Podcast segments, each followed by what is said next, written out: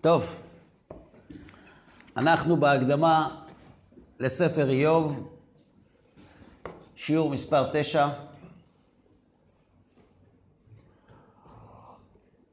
בשיעור הקודם גילה לנו רבנו משה בן נחמן בהקדמתו לספר איוב את סוד הגלגול, שהוא רמוז בספר איוב ושזור בו מתחילתו עד סופו. אני מבקש, לפני שאנחנו ממשיכים, לחזור על המילים שכותב לנו הרמב"ן ומטמין בהם את סוד הגלגול. אבל באמת, כותב הרמב"ן, יש בזה העניין סוד גדול מסודות התורה. לא ישיגם דעת חושב, רק הזוכה להם. לומד מפי מלמד עד משה רבנו עליו השלום. כלומר, דע לך שהסוד הזה זה לא סוד שהתחדש, זה לא סוד שנתגלה, זה סוד שעובר כחוט השני, מרב לתלמיד עד משה רבנו עליו השלום. במילים האלה הרמב"ן רומז בזהירות ובכבוד לאותם מגדולי הדורות שלא עסקו בסוד הגלגול. וחלקם לא רק שלא עסקו בסוד הגלגול, אלא אף התנגדו לו. אז הוא אומר, רק הזוכה להם לומד מפי מלמד עד משה רבנו עליו השלום מפי הגבוה יתברך. והוא, הסוד הזה, נזכר בדברי אליהו.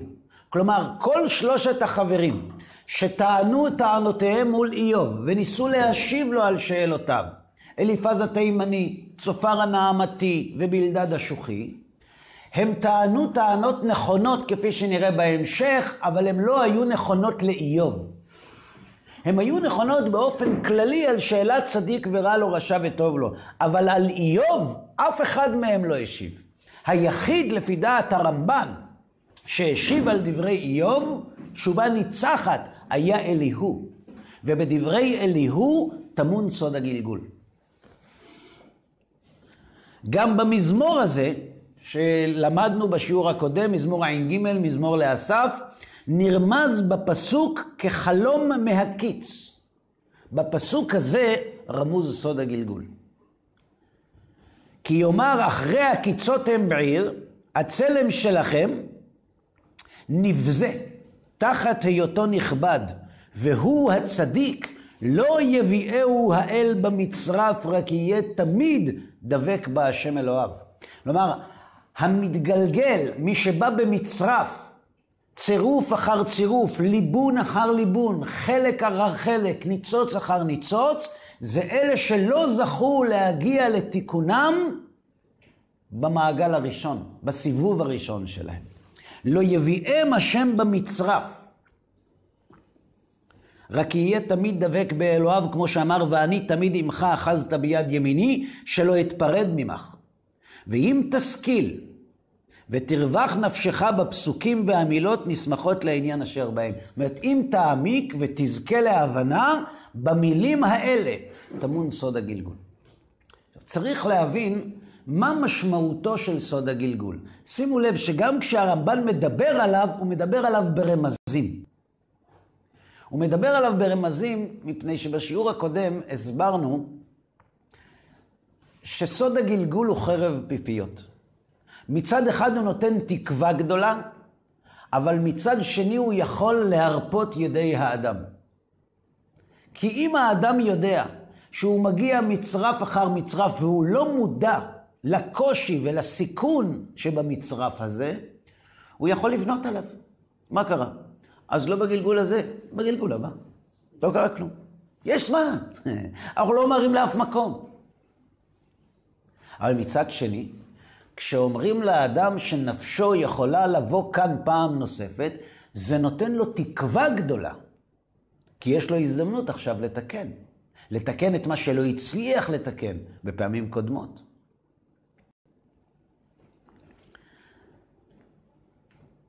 אני הייתי מלמד נער אחד שהיה חולה במחלה קשה מאוד, מגיל שנתיים. וכשאני למדתי בישיבה, אז היו בחורים מהישיבה שהולכים ללמוד איתו. כי הוא לא למד בבית ספר אף פעם. הוא כבר היה בן 13. וחוץ ממה שהיו לומדים איתו בבית, הוא לא ידע. אז היו, הייתה תורנות שבחורים שהולכים ללמוד איתו.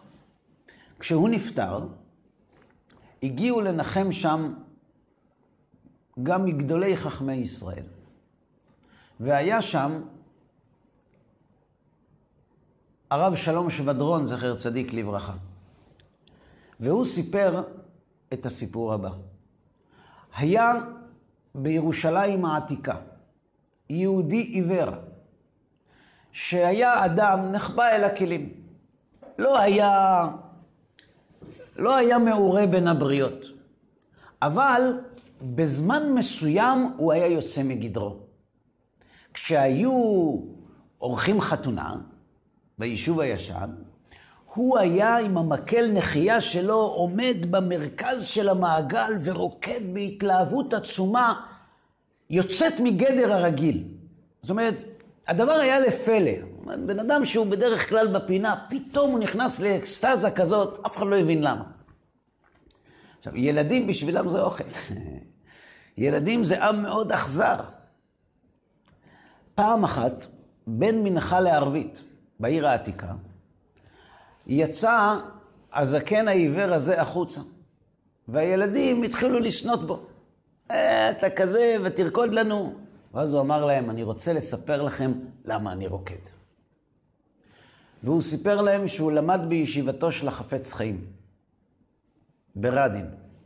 ובתור בחור עיוור, ללמוד בישיבה זה ייסורים גדולים. כי בישיבה, מה עושים? לומדים. עם העיניים לומדים. כשאין כתב ברייל, וגם כשיש, זה מאוד קשה, אתה צריך כל כך להתרכז בטכניקה של הקריאה, שזה בא על חשבון הריכוז. וללמוד בישיבה כשאין אפשרות ללמוד אלא רק בדרך השמיעה, זה מאוד קשה. כי כשיש מישהו לשבת ללמוד איתך, אז זה בסדר גמור, אבל כשאין מי שילמד איתך, זה מאוד מאוד קשה. ובאחד הימים, יותר נכון, באחד הלילות, הוא ישב בישיבה, רצה ללמוד, ולא היה מי שילמד אותו. הוא הרגיש שמישהו נכנס, אבל הוא לא ידע מי זה. והוא ישב ובכה. שהוא רוצה ללמוד תורה, ואין לו איך. אגב, במאמר מוסגר, כמה אנחנו לא יודעים להעריך את המתנות המובנות מעליהן שהקדוש ברוך הוא נתן לנו. אם תסתכלו, תראו שבברכות השחר אנחנו מודים על שני דברים. מודה אני לפניך, שהחזרת בי נשמתי. כשבן אדם מתעורר משינה ומכיר בעובדה שיש אלוה, אין לו שום בעיה להודות על זה שחזרה לו הנשמה. כי הוא מודע למילוי העצום שהוא קיבל. אם לא הייתה חוזרת הנשמה, הוא היה מת. אז יש כאן התחדשות. כשבן אדם מקבל מילוי, לא קשה לו להגיד תודה. אבל כשהמילוי הוא מתמשך וקבוע, הרבה יותר קשה להודות, כי מתרגלים. זה נהיה מובן מאליו.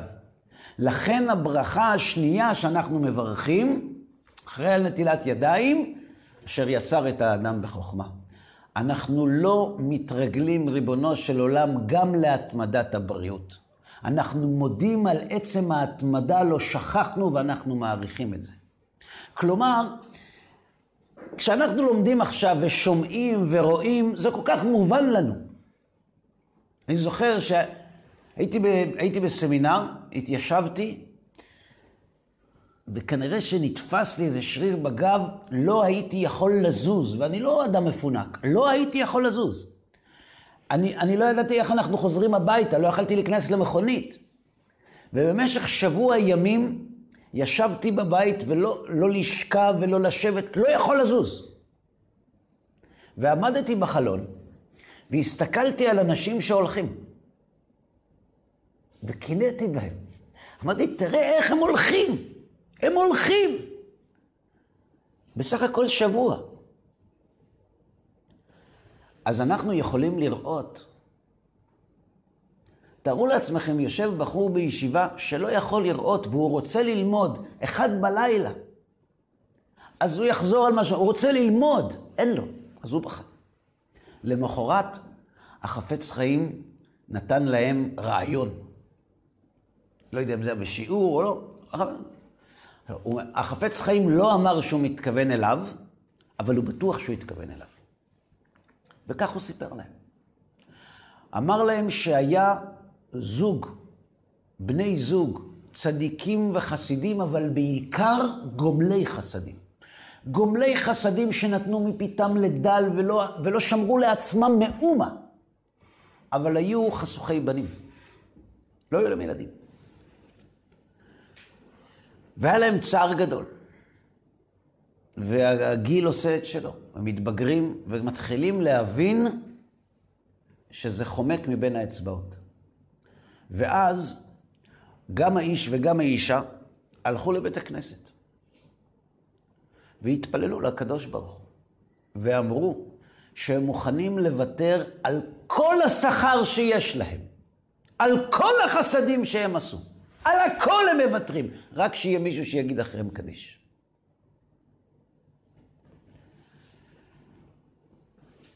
באותו זמן נפטר אחד מגאוני חכמי הדור, ועלה לבית דין של מעלה. כך מספר החפץ חיים. ועלה לבית דין של מעלה. וכמובן שכל התורה שלמד וכל המעשים טובים שעשה, מזכים אותו להיכנס בנועם הנשמות. אבל עם צדיקים מדקדק הקדוש ברוך הוא, כחוט השערה.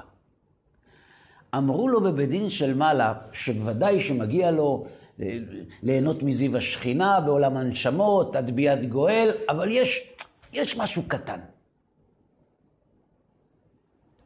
כשאתה עמדת ודיברת בפני התלמידים בישיבה, אתה סקרת אותם בנחת. קצת, קצת מלמעלה. לא מתאים. אין אני והוא דרים בכפיפה אחת. מה שאמר אבי מורי על הענווה אצל משה רבנו. אגב, אנשים, אנשים שואלים, למה באמת משה היה ענב מכל האדם? למה? אם ענווה זה אדם שיודע שהמתנות שיש לו אינם שלו, אלא פיקדון בידו. כשאתה נמצא ליד המפקיד, אתה לא יכול להתגאות בפיקדון. נכון? זה לא נעים. יש מי שהיה קרוב למפקיד יותר ממשה רבנו, לכן הוא היה חייב להיות הענב מכל האדם.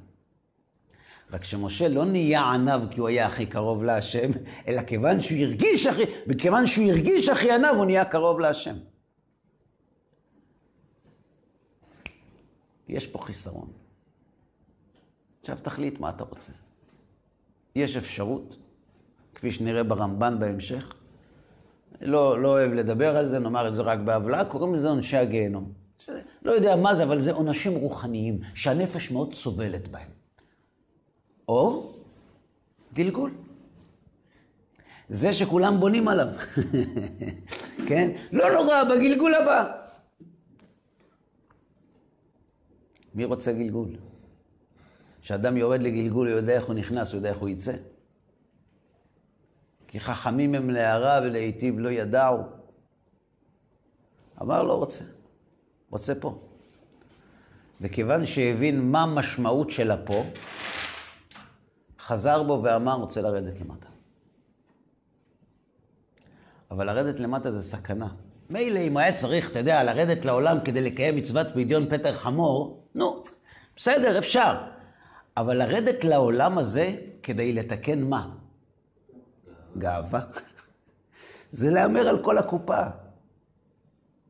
אין סיכוי כמעט. אז הוא אמר שהוא מוכן לתת כל התורה שלמד. שיורידו אותו לעולם הזה בעל מום, כדי שלא יוכל להתגאות. כי מי שיש לו מום, הוא לא יכול להתגאות. ולהורים שנתנו הכל כדי שייוולד להם קדיש, נולד ילד בלי ידיים. אז כמובן שזו שמחה גדולה שמעולה בעצב גדול. אבל סוף כל סוף, יש את מי להחזיק. הילד הזה גדל. כשילד קטן הוא לא כל כך מודע למום, הוא חי עם זה, אולי קצת לועגים לו חלילה, אבל, אבל כשהוא הגיע לגיל בר מצווה, והוא לא יכול להניח תפילין, והוא מודע למום שיש לו, הוא שקע בצער גדול, והוא הלך לבית הכנסת, ועם השיניים פתח את ארון הקודש, ובכה. ואמר, ריבונו של עולם, אני נהייתי עכשיו בר מצווה. רק בגיל בר מצווה נהיים חייבים במצוות. אני לא עשיתי שום חטא. למה הבאת אותי לעולם כך? מה עשיתי? שאל. עצר החפץ חיים ואמר, אם אתם הייתם שם, מה הייתם אומרים לו? אתה בחרת. אתה ביקשת. רק שאתה לא זוכר. אז אם יש אדם שהוא בעל מום בעולם הזה, אל לו להצטער על כך. הוא לפחות יודע מה הוא ביקש. וסיים. אמר להם אותו יהודי זקן, אני לא יודע אם החפץ חיים התכוון אליי, אבל אני בטוח שהוא התכוון אליי. אז איך לא אשמח שאני יודע מה אני ביקשתי מהקדוש ברוך? סוד הגלגול הוא דבר שהשתיקה יפה לו, אבל צריך לדעת שהוא קיים.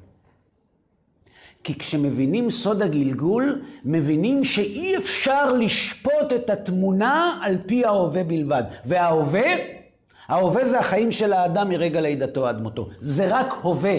אנחנו לא יודעים את העבר, ואנחנו גם לא יודעים את העתיד. וכשלא יודעים את העבר ולא יודעים את העתיד, גם אם ברגע זה האיש נחשב כצדיק, אנחנו לא יודעים עם איזו חבילה הוא מגיע לכאן. אז איך אתה מתלונן? צריך לדעת, איוב היה צדיק. איוב היה תם וישר וירא אלוהים ושר מרע. לכן כל התשובות שנתנו החברים היו נכונות לאנשים שהם צדיקים לא גמורים, שיש להם קצת חטאים, אז מענישים אותם, אין מיתה בלא חטא, אין איסורים בלא עוון, זה הכל נכון, אבל לא לאיוב. התשובה היחידה שהייתה נכונה לאיוב הייתה סוד הגלגול. כך כותב רמב"ן.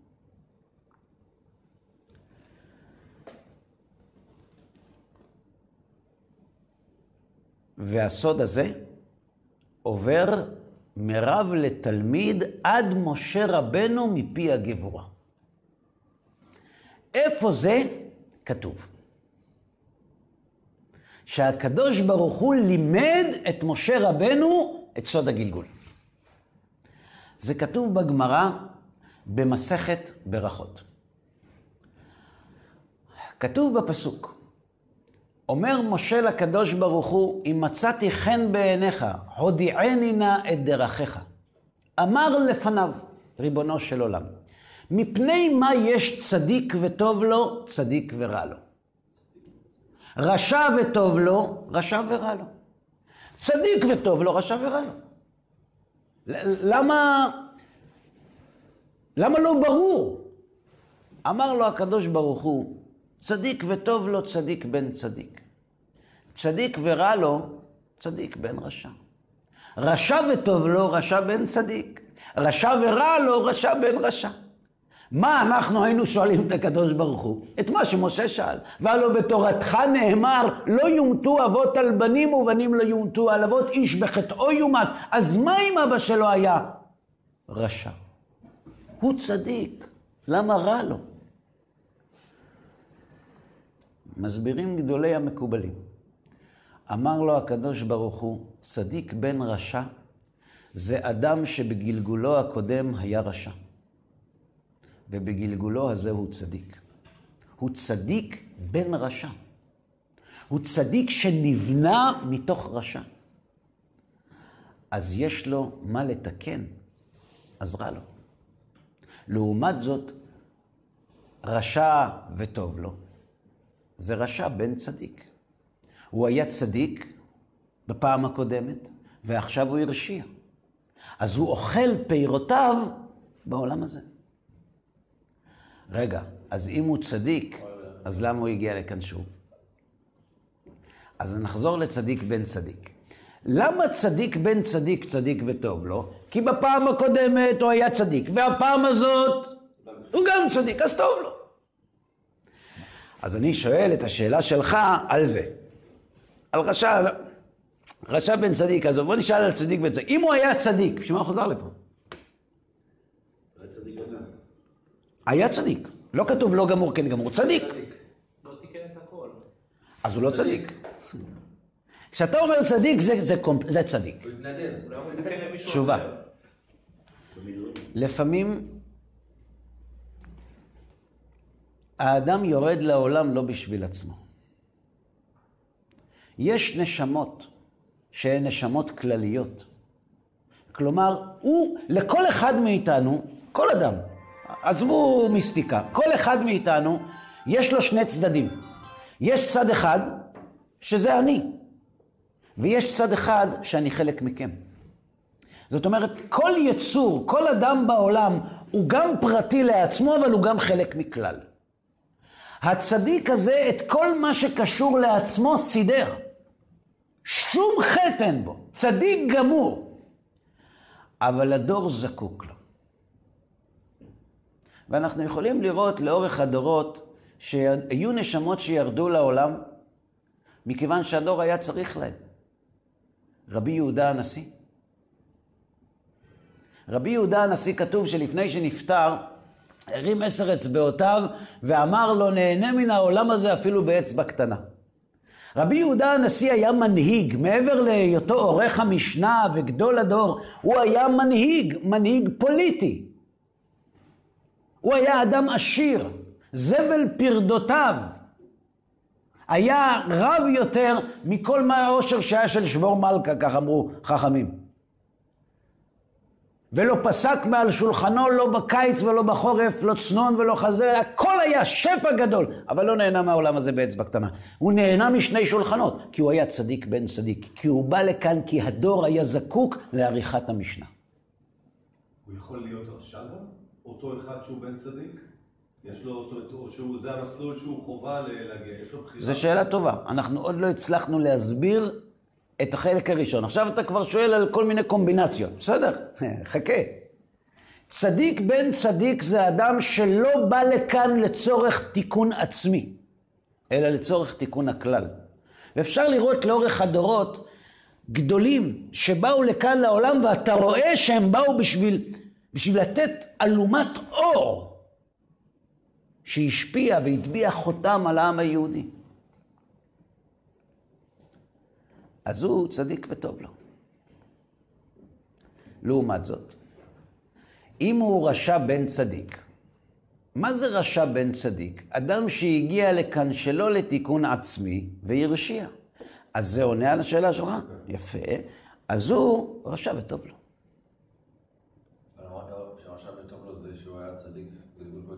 נכון. ועכשיו הוא רשע. אז אם ככה, מה שלמדנו בסדר המדרגות, שרוב רובם הם במדרגה שנייה, אנחנו בבעיה. למה? כי רובנו צדיקים בדור. עכשיו אנחנו אשמים שטוב להם כביכול. מי אמר? לא לא הגענו לרמה השלישית. מי, אמר לך שבגלגול הקודם הוא היה צדיק? כי אמרת שצדיק, ו- שרשע וטוב לו, זה בגלגול הקודם היה צדיק, ועכשיו הוא רשע. לא בהכרח. לא בהכרח שמישהו רשע וטוב לו בגלגול הקודם הוא היה צדיק. יכול להיות שהוא היה רשע גם בגלגול הקודם, אבל בגלגול הזה הוא עשה כמה מצוות שבגלל זה הוא מקבל שכר. זה לא מחייב. זה לא כפוף לזה. זה לא, אני אומר, זה לא, מח- על הרשע וטוב לו זה לא מחייב. אני מדבר על צדיק בן צדיק. צדיק בן צדיק חייב להיות צדיק וטוב לו. בכל מקרה, במילים האלה, הקדוש ברוך הוא מלמד את משה רבינו על פי המקובלים את סוד הגלגול. אומר הרמב"ן, ודע, כי דבר החברים אשר יאמרו, כי הייסורין על עוון יבואו, כל מה שאמרו החברים לאיוב שהייסורים באים על חטא, אמת ויציב, נכון וקיים.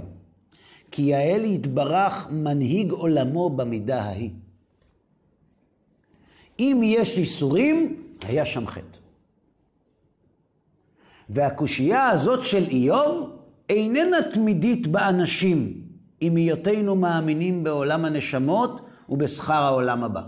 כלומר, הקושייה של איוב לא מתמידה אם אנחנו מכניסים למשוואה את המושג שנקרא עולם הנשמות ועולם הבא. הוא, הוא מסביר גם למה. תנו לי לגמור את כל, ה, את כל הקטע ואז אנחנו נחזור עליו. כי מן הידוע, ברוב הצדיקים, שהם חוטאים לפעמים. ורחוק הוא שימלטו מחטא קל או חמור. זה קשה. קשה שבן אדם יעבור את כל המסלול בלי שחטא מאומה, זה מאוד קשה. זה כמעט לא אנושי. כעניין שנאמר, כי אדם אין צדיק בארץ אשר יעשה טוב ולא יהיה חטא. ולכן הצדיק הגמור, שיארע לו החטא הקל, ועבר בזדון על מצוות בוראו יתברך על כל פנים, ראוי להענש עליו.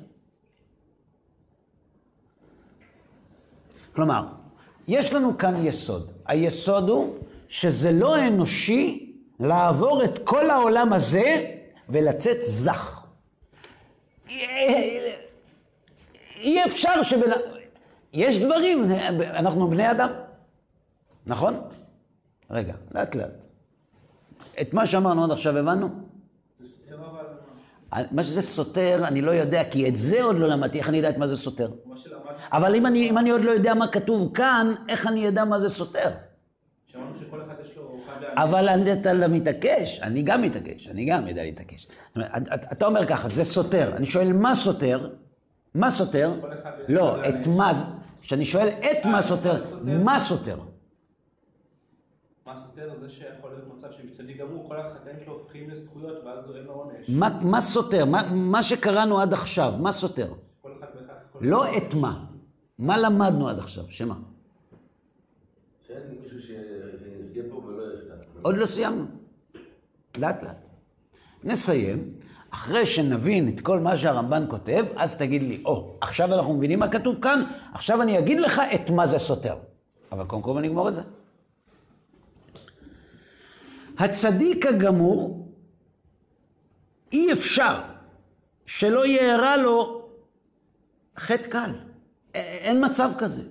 עכשיו, אם הוא כן חטא, בהנחה שאין צדיק בארץ שטוב ולא יהיה חטא, והנה, אם יאבד האל מגופו בעולם הזה, כל הטובה אשר נהייתה בעולם. זאת אומרת, אם הקדוש ברוך הוא ימנע ממנו לאורך כל החיים, מגופו, את כל הטוב שיש בעולם, ויהיה נידון בייסוריו של איוב כל ימיו, טוב לו מי שיענש בנפשו להיות נידון בעולם הנשמות בייסורי גיהינם, או שיגרע חטאו מנפשו מעט מן מעלתה בעולם הנשמות ודבוקה בזיו העליון ועולם הבא. זאת אומרת, נוח לו לאדם, שכל ימיו לא יראה חלילה טוב ולו לרגע אחד, אבל זה בעולם הזה. אז מה אנחנו אומרים? הגזים קצת, כבוד הרב. נכון? הגזים. למה אנחנו אומרים הגזים? כי אנחנו לא יודעים מה זה עולם הבא. כי אנחנו לא יודעים מה זה עולם הנשמות. דע מאין באת ולאן אתה הולך. ולפני מי אתה עתיד ליתן דין וחשבון. ואם שלושת הדברים האלה מצויים בידך, הסתכל בשלושה דברים ואין אתה בא לידי עבירה. כלומר, האמירה שלנו, הגזמת, מלמדת שאנחנו לא באמת מבינים או יודעים או מאמינים במה שאנחנו אומרים. ההוכחה שלי היא מאוד פשוטה, היא כמעט מתמטית. כשאומרים לבן אדם, מה אתה מעדיף, לסבול חמש דקות או שעה? חמש דקות. וכשאומרים לבן אדם, מה אתה מעדיף, לסבול 70 שנה או נצח? הוא צריך לחשוב. למה הוא צריך לחשוב? כי הוא לא מאמין בנצח. אבל גם 70 שנה זה חתיכת זמן. ונצח זה יותר, מה ההבדל? אני אגיד לך אפילו, היחס, היחס בין... היחס בין... סליחה, לא שמעתי אותך לפני שתי דקות. היחס בין חמש דקות לשבעים שנה כן מקובל עליך? מה היחס בין חמש דקות לשבעים שנה? חמש דקות לשבעים שנה. מה היחס בין שבעים שנה לנצח? אין סוף. אין סוף. אז למה כשאמרתי חמש דקות על שבעים אמרת הולך? כי יש לך... לא, לא, לא, רגע. כי יש לך מושגים בזמנים שדיברנו עליהם. אתה יודע מה זה 70 שנה? אתה יודע מה זה חמש דקות? אתה אומר, צלול חמש דקות, תעביר את הראש, נלך הלאה. כי יש לך מושגים. אם היה לך מושג בנצח, 70 שנה היה כלום בעיניך. כי גז חיש ונעופה. רק מה, אין לנו מושג בנצח. המושגים שלנו זה ב-70 שנה. אז אתה לוקח בן אדם את המושג הכי ארוך שהוא מכיר, אתה אומר לה, עזוב, זה כלום, יש משהו יותר ארוך. איזה משהו יותר ארוך? לא ראינו יותר ארוך מזה. כולם מתו, מישהו חזר משם. ואז המנגינה מתחילה.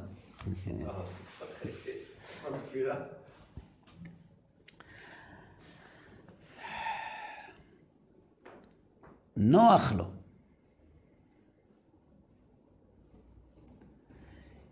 אם יאבד האל מגופו בעולם הזה כל הטובה אשר נהייתה בעולם, ויהיה נידון בייסוריו של איוב כל ימיו, טוב לו משיענש בנפשו להיות בעולם הנשמות בייסורי גיהינם, או שהוא לא ייענש בגיהנם, אבל הוא יקבל מחלקה אחת אחורה, או שיגרע חטאו מנפשו, מנפשו מעט מן מעלתה בעולם הנשמות ודבוקה בזיו העליון בעולם הבא, לפחיתות הגוף וגריעות הטובה שתבואו בעולם הגופות. אשר אין בין הטובה ובין הרעה רק דבר גרוע ועניין קלה ואבד. הטוב נגמר, הרע נגמר, זה הכל נגמר. ולמעלת הנפש ועילוי הטובה אשר באור פני מלך חיים, וכי היא הטובה במאמר מוחלט. אין יחס. אומר שלמה המלך כך, אלף שנים יחיה האדם פעמיים. אם יציעו לבן אדם אלפיים שנה, שדרוג, הוא ייקח? לא כולם. מי שרע לו לא ייקח. למה אם 70 שנה הוא רוצה לגמור, אז הוא ייקח אלפיים? או. אבל מי שהיה לו טוב ב-70 שנה, ומציעים לו שדרוג לאלפיים, לא ייקח? טוב. בזרועות פתוחות. ישאל אם מחלקים עוד. אומר שלמה, ובכולם ישמח. לא כמו היום, שאתה סובל 40 שנה בשביל פנסיה. ובכולם ישמח. זאת אומרת, אתה מקבל אלפיים שנה משודרגות כמותית ואיכותית. ובנים ובנות יוליד. טוב, זה... זה... זה... ילדים אין זה שמחה, זה שיר ישן, זה לא... הבטיחה שיהיה כן, סיפור. גם עושר, גם נחת מהילדים וגם אלפיים שנה. אומר שלמה המלך, שלא יבלבלו אותך עם כמויות. תשאל בחנות אם זה נגמר. ויזכור את ימי החושך, כי הרבה יהיו כל שבא הבל. אם יש סוף, זה בכלל לא משנה כמה זמן עברת עד הסוף. בסוף, מקרה אחד יקרה את כולם. את האלפיים שנה ואת השבעים שנה. אין שום משמעות. אומר הרמב"ן, אם זה נגמר, לא משנה, טוב, רע, זה נגמר. תבדוק אם זה נגמר, כי כל מה שנגמר ביחס ללא נגמר הוא הבל. אז למה אנשים לא בוחרים את הסבל בעולם הזה על פני העולם הבא? כי הם פשוט לא מודעים להפרש הזה. זה כל הסיפור. לכל הפרש שבן אדם מודע, הוא אומר חמש דקות על 70 שנה, אין בעיה. מוכן. מה זה חמש דקות? זה כלום. למה בן אדם על 70 שנה זה הרבה? כי בשבילו 70 שנה זה כל החיים. אז אם זה כל החיים, אז בשביל מה לסבול כל החיים? כלומר, הוא לא לוקח את ההמשך כחיים. אני לא יודע, תראה, לא, לא מתים, יש עולם הבא, וזה מישהו חזר משם. אין לנו, אין לנו אחיזה בזה. אלה שהייתה להם אחיזה בעולם הבא, לא ראו רע בעולם הזה. נדמה עליהם כדבר בטל. אם העולם הזה לא בטל בעינינו, אנחנו לא מדרגה נמוכה. אנחנו אנשים נורמטיביים. זה מאוד טבעי שלא תהיה לנו השגה בעולם הבא. לא צריך להרגיש לא טוב עם זה. אבל צריך לדעת שיש אנשים שהייתה להם השגה בעולם הבא. הרב אומר, התודעה שלנו צריכה להיות תודעת נצח. אנחנו חיים פה נצח, ועכשיו... כן. צריכה להיות, רק זה בלתי אפשרי. כן. תרשי רק להמשיך רגע. וכי היא הטובה במאמר מוחלט, אשר אין לה ערך ודמיון ולא תחילה בדבר גשמי לעולם. אין שום יחס בנצחיות לזמני. ולכן אמרו רבותינו זיכרונם לברכה במסכת קידושין, כל שזכויותיו מרובין מעוונותיו, מרעין לו בעולם הזה. ודומה כמי ששרף את התורה כולה ולא שייר ממנה אפילו אות אחת.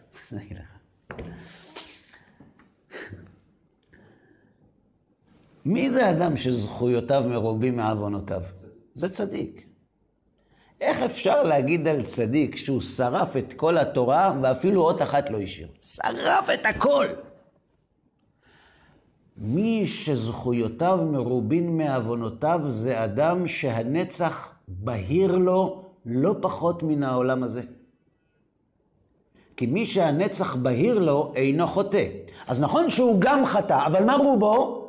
רובו נצח. זאת אומרת, רוב עיתותיו הוא היה מרוכז בנצח, ולכן הוא קיים את המצוות. אלא מה? נותרו בו כמה עוונות שבהם הוא נכשל. עכשיו, אם אתה בא לאדם כזה ושואל אותו, מה אתה מעדיף? אז אם הוא נמצא עכשיו ברגע שגרם לו לעוונות, הוא יגיד, עזוב, לא רוצה.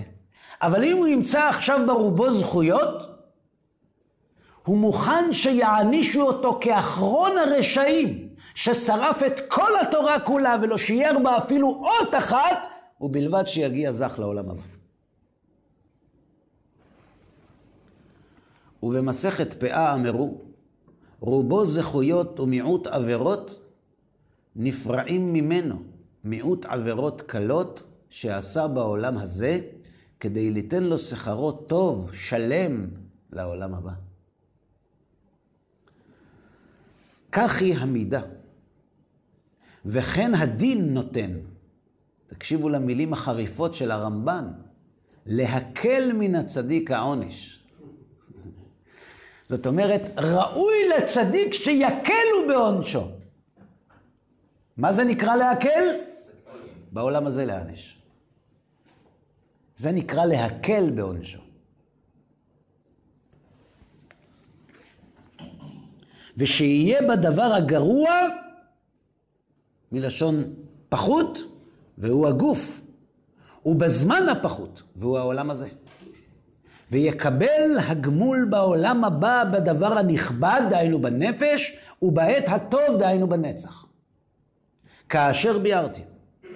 זה באשר למי? לצדיקים. עכשיו יש עוד קבוצה. לא שכחתי אותך.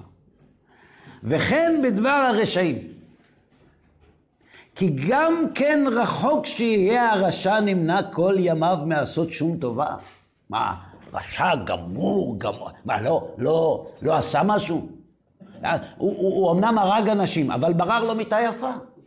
זאת אומרת, אין, אין אדם רשע שלא עושה משהו טוב. וראוי לקבל עליה שכר. ואילו ישפיע לו האל בתגמולו תענוג וגדולו המלכות כמלכות שלמה, איננו שווה לגמול הקטן מתענוג הנפש באורח חיים בעולמים הראוי לה. לכן, לרוב עבירותיו נמנע ממנו אותו גמול. הוא משלם אליו שכרו בדבר הקטן והגרוע. כלומר, הרשע, למה הרשע מקבל שכר בעולם הזה? אה? יפה. זאת אומרת, אנשים לא, לא שמים לב כל כך, אמרת טוב. זה לא שנותנים לו שכר כדי להיפטר ממנו. העונש של הרשע זה שהוא לא זוכה לנצח. חוק.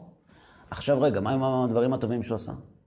נשלם לו, אבל נצח אין. אז איפה ישלמו לו? ישלמו לו פה. זאת אומרת, זה לא שמשלמים לו פה ובגלל זה אין לו שם. בגלל שאין לו שם, משלמים לו פה. כן. רגע, עדיין יש לו את הזכות רגע, רגע, שנייה, תרשה לי. אתה רוצה ללמד זכות, תלמד, רב לוי יצחק מברדיצ'ו גם לימד. זה בסדר, אנחנו רק רוצים לראות מה מה אומר הרמב"ן. בוודאי, ודאי. עד יום מותו יחכה לו. אם ישוב מיד יקבלו, בוודאי.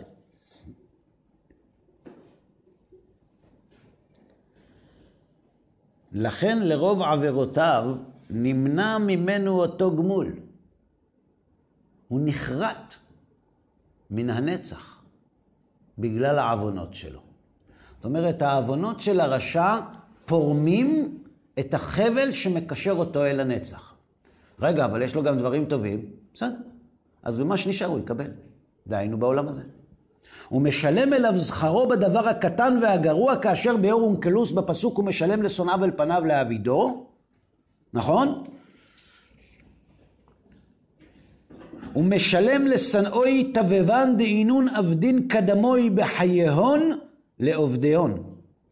לא מאחר עובד תו לשונאוי תבבן דאינון עבדין קדמוי בחייהון משלם להם. ואחרי הביאור הזה, יכול אדם לברוח מיד המקשים הקושייה הזאת ולומר, כי כל רשע וטוב לו, יש מעשים טובים. וכל צדיק ורע לו, יש מן הרעים קצת, ונידונים במידות האלה.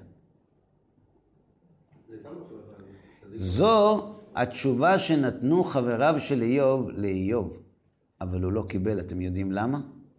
אבל איוב היודע צדקת נפשו הגמורה, והיודע ועד יתברך העיד עליו, ותסיתני בו לבולעו חינם. האלוה מעיד עליו שהוא תם וישר וירא אלוהים ושר מרע, אין בידו מיעוט עבירות כלל. לכן התשובה הזאת שהרמב"ן נותן בפיהם של חברי איוב היא נכונה. כי, דבר החברים אשר יאמרו כי האיסורים על עוון יבואו אמת ויציב ונכון וקיים, זה נכון אבל לא על איוב. כי איוב היה צדיק גמור והתשובה הזאת לא עובדת עליו. למה הוא סובל?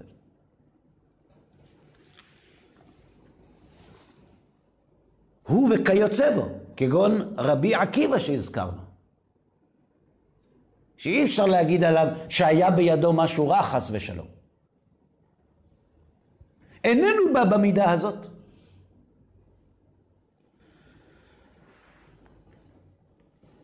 זה מצד אחד, צדיק גמור.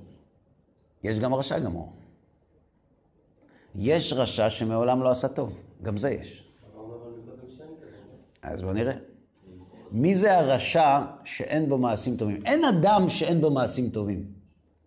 אז איך יש רשע שאין בו מעשים טובים? אומר הרמב"ן, והרשע הכופר באל, כגון האומרים שהעולם קדמון, כי חשו בה השם, ויאמרו לא הוא, אין במעשיהם זכות, אפילו יתנהגו במידות נאות וטובות כל ימיהם. כשאדם לא מאמין באלוה והוא עושה דברים טובים, לא מגיע לו שכר מאת האלוה, שהוא ישלם לו. שעצמו ישלם לו. מה פתאום שהאלוה ייתן למי שכופר בו שכר על דברים טובים שהוא עשה מתוך שכלו? אז יש רשע גמור. מי הוא רשע גמור? הכופר. הוא לא מקבל כלום. לא, זו קושייה. על שני אנשים קשה. רוב בני העולם הם או צדיקים שאינם גמורים והם סובלים, או רשעים שאינם גמורים ונהנים. המיעוט שבעולם הם צדיקים גמורים ורשעים גמורים. ועל שני, שתי הקבוצות הללו, למרות שהן מעטות, על שתי הקבוצות הללו התשובות שנתנו קודם לא עובדות. התשובה, התשובה עובדת לגבי רשע גמור אם הגלגול הקודם שלו היה צדיק. כי זה שהוא עכשיו כופר זה בעיה בפני עצמה, לא. זה שהוא... לא, אז זה אלים. לא. למה לא? כי מי שהוא כופר בהשם, לא מגיע לו שכר מאת השם. גם אם הוא עשה טוב? זה לא משנה מה היה פעם. כרגע האדם כופר, לא מגיע לו שכר מאת השם. עכשיו אתה עוד פעם מלמד זכות. אז בוא נסגור, נלמד זכות, נגיד, אם איוב היה לומד אצל רב לוי יצחק בגדיצ'וב, לא היה שואל שאלות. לכל זמן ועת לכל חפץ. כשנצא מכאן, תאמין לי, נדון את כולם לכף זכות. אבל אנחנו צריכים להבין מה כותב הרמב"ן. לא, אבל לכפור הכוונה לדעת אותו ולכפור בו. כמובן, מי שלא יודע את בוראו לא יכול לכפור בו. כופר, נמרוד יודע את בוראו ומתכוון למרוד בו. בסדר, אנחנו מדברים על אדם שעונה להגדרה של כופר שהרמב"ן מתכוון עליה. לאדם הזה לא מגיע שכר מאת השם. אומר הרמב"ן, וב, וזה באמת קושייה, למה ישפיע עליהם אלוהים טובה? למה אלוהים נותן טוב למי שכופר בו? למה הוא נותן טוב למי שמאמין בו ורובו עבירות? אני מבין, משלם לשונאיו על פניו לעבידו. אבל מי, ש... מי שלא מאמין, כופר באלוה, למה שאלוהים ייתן לו טוב? על מה? על הדברים הטובים שהוא עשה? הוא לא עשה את זה בגלל שהשם ציווה. כשאתה הולך ועוזר למישהו לה, לה, להעביר דירה, אתה בא אליי לבקש את- הכסף? תבקש ממנו, מה אתה רוצה ממני? כן, אבל אני עשיתי מעשה טוב. אז תגיד לו שעשית מעשה טוב, הוא ישלם לך. מה זה קשור אליי? משהו ייתקע שם. ואין בתשובתה דרך הצלה ממנו, רק בעניין הנזכר. וזה יסוד הספר הזה. מה זה העניין הנזכר? הגלגול. על השאלה האחרונה הזאת יש רק תשובה אחת. סוד הגלגול. זה לא נראה, הרי לא במילא. איך זה עונה, אתה שואל? את זה נלמד בפעם הבאה. עד כאן להיום. שיש גיבוי, אתה רואה שבא לך.